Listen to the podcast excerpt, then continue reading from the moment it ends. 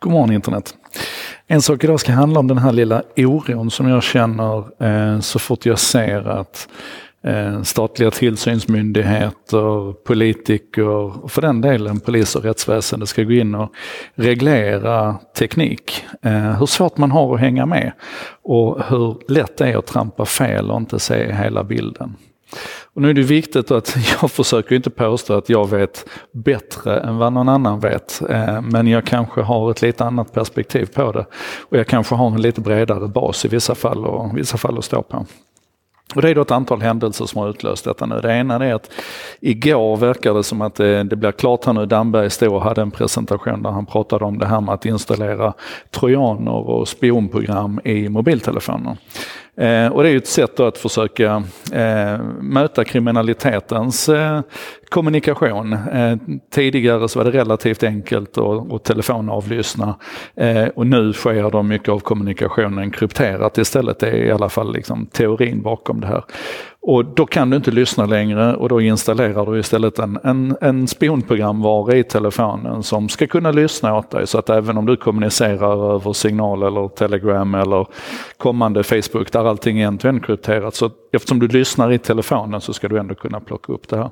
Och de här spionprogrammen de ska också kunna eh, tända igång kameran och filma, de ska kunna använda mikrofonen utan att du ringer och så vidare. Så det är rätt avancerade spionprogram och man kan ju förstå någonstans att det här är ju rättsväsendets våta dröm att, att kunna installera det här i de kriminellas telefoner.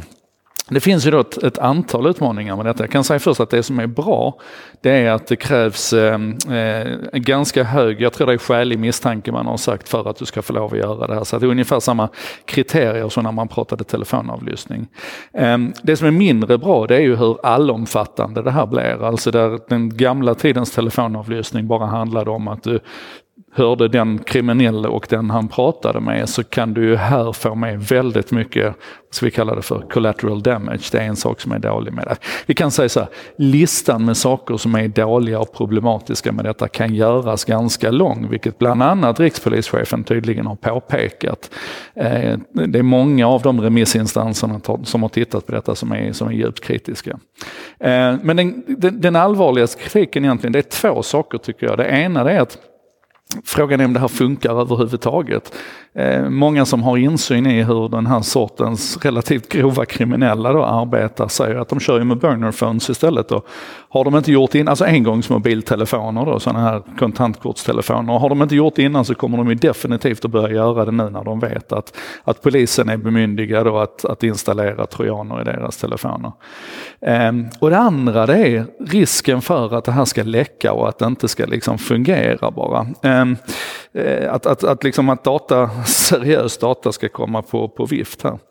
Och det som gör den misstanken extra intressant är att det sammanfaller med att idag då har, har gått ut nyheter om att eh, FTC, alltså den amerikanska myndigheten för att hålla koll på radio, eller kommunikation överhuvudtaget, har förbjudit ett företag att, att sälja sin produkt och det man kallar för stockerware. Eller man har utifrån en händelse med ett företag där den här tjänsten och, och programvaran hackades så att det, liksom, det läckte ut utanför de som hade tänkt installera den här för att övervaka sin hustru eller sina barn eller vad äh, Konstig grej överhuvudtaget. Men i alla fall, man har förbjudit den här sortens programvara nu. Utan den, den får liksom bara lov att installeras i USA då, av rättsvårdande myndigheter och sådär. Och det faktum då att man har tagit det här steget, det, det talar ju om hur, hur, osäker den här sortens tjänster är. Alltså hur, hur lätt det är att, att, ja, att skiten kommer ut. Och när vi då ändå är i USA och vi tittar på deras idéer om att just nu då styra Facebook, så har kongressen nu, ett, ett flertal olika aktörer i den amerikanska kongressen har gått samman för att försöka få igenom en lagstiftning som ska tvinga Facebook att öppna upp sitt API. Och igen så är det så här, det här är lite antingen eller. För ena sidan så tycker jag det är bra då att man ska öka portabiliteten så att jag kan ta min Facebook-profil och så kan jag flytta den till MySpace istället om jag nu skulle vilja göra det. Och, och jag är överhuvudtaget en anhängare av öppna API. -er. Det som skaver här det är att Facebook har ju haft det tidigare. De, Facebook jag kan säga innan Cambridge Analytica och det, det missödet där, där någon missbrukade Facebooks öppenhet runt sitt data, så var ju Facebook väldigt öppna faktiskt. Och, och det fanns ett öppet API som det byggdes fantastiska tjänster på och så vidare. Men det här trycket runt omkring då och, och det här, den här händelsen med Cambridge Analytica, det tvingade ju Facebook och många andra techjättar nu att stänga ner sina API och att begränsa väldigt hårt för att slippa undan den här shitstormen. Och, och, nu då ett par år senare här så har man gått full circle i politiska kretsar och kräver nu att man ska öppna upp. Och jag förstår intentionerna men, men det blir liksom för mig blir det så här väldigt uppenbart att varken Damberg eller FTC eller den amerikanska kongressen är tillräckligt snabba, har tillräcklig energi för att sätta sig in tillräckligt djupt i de här frågorna.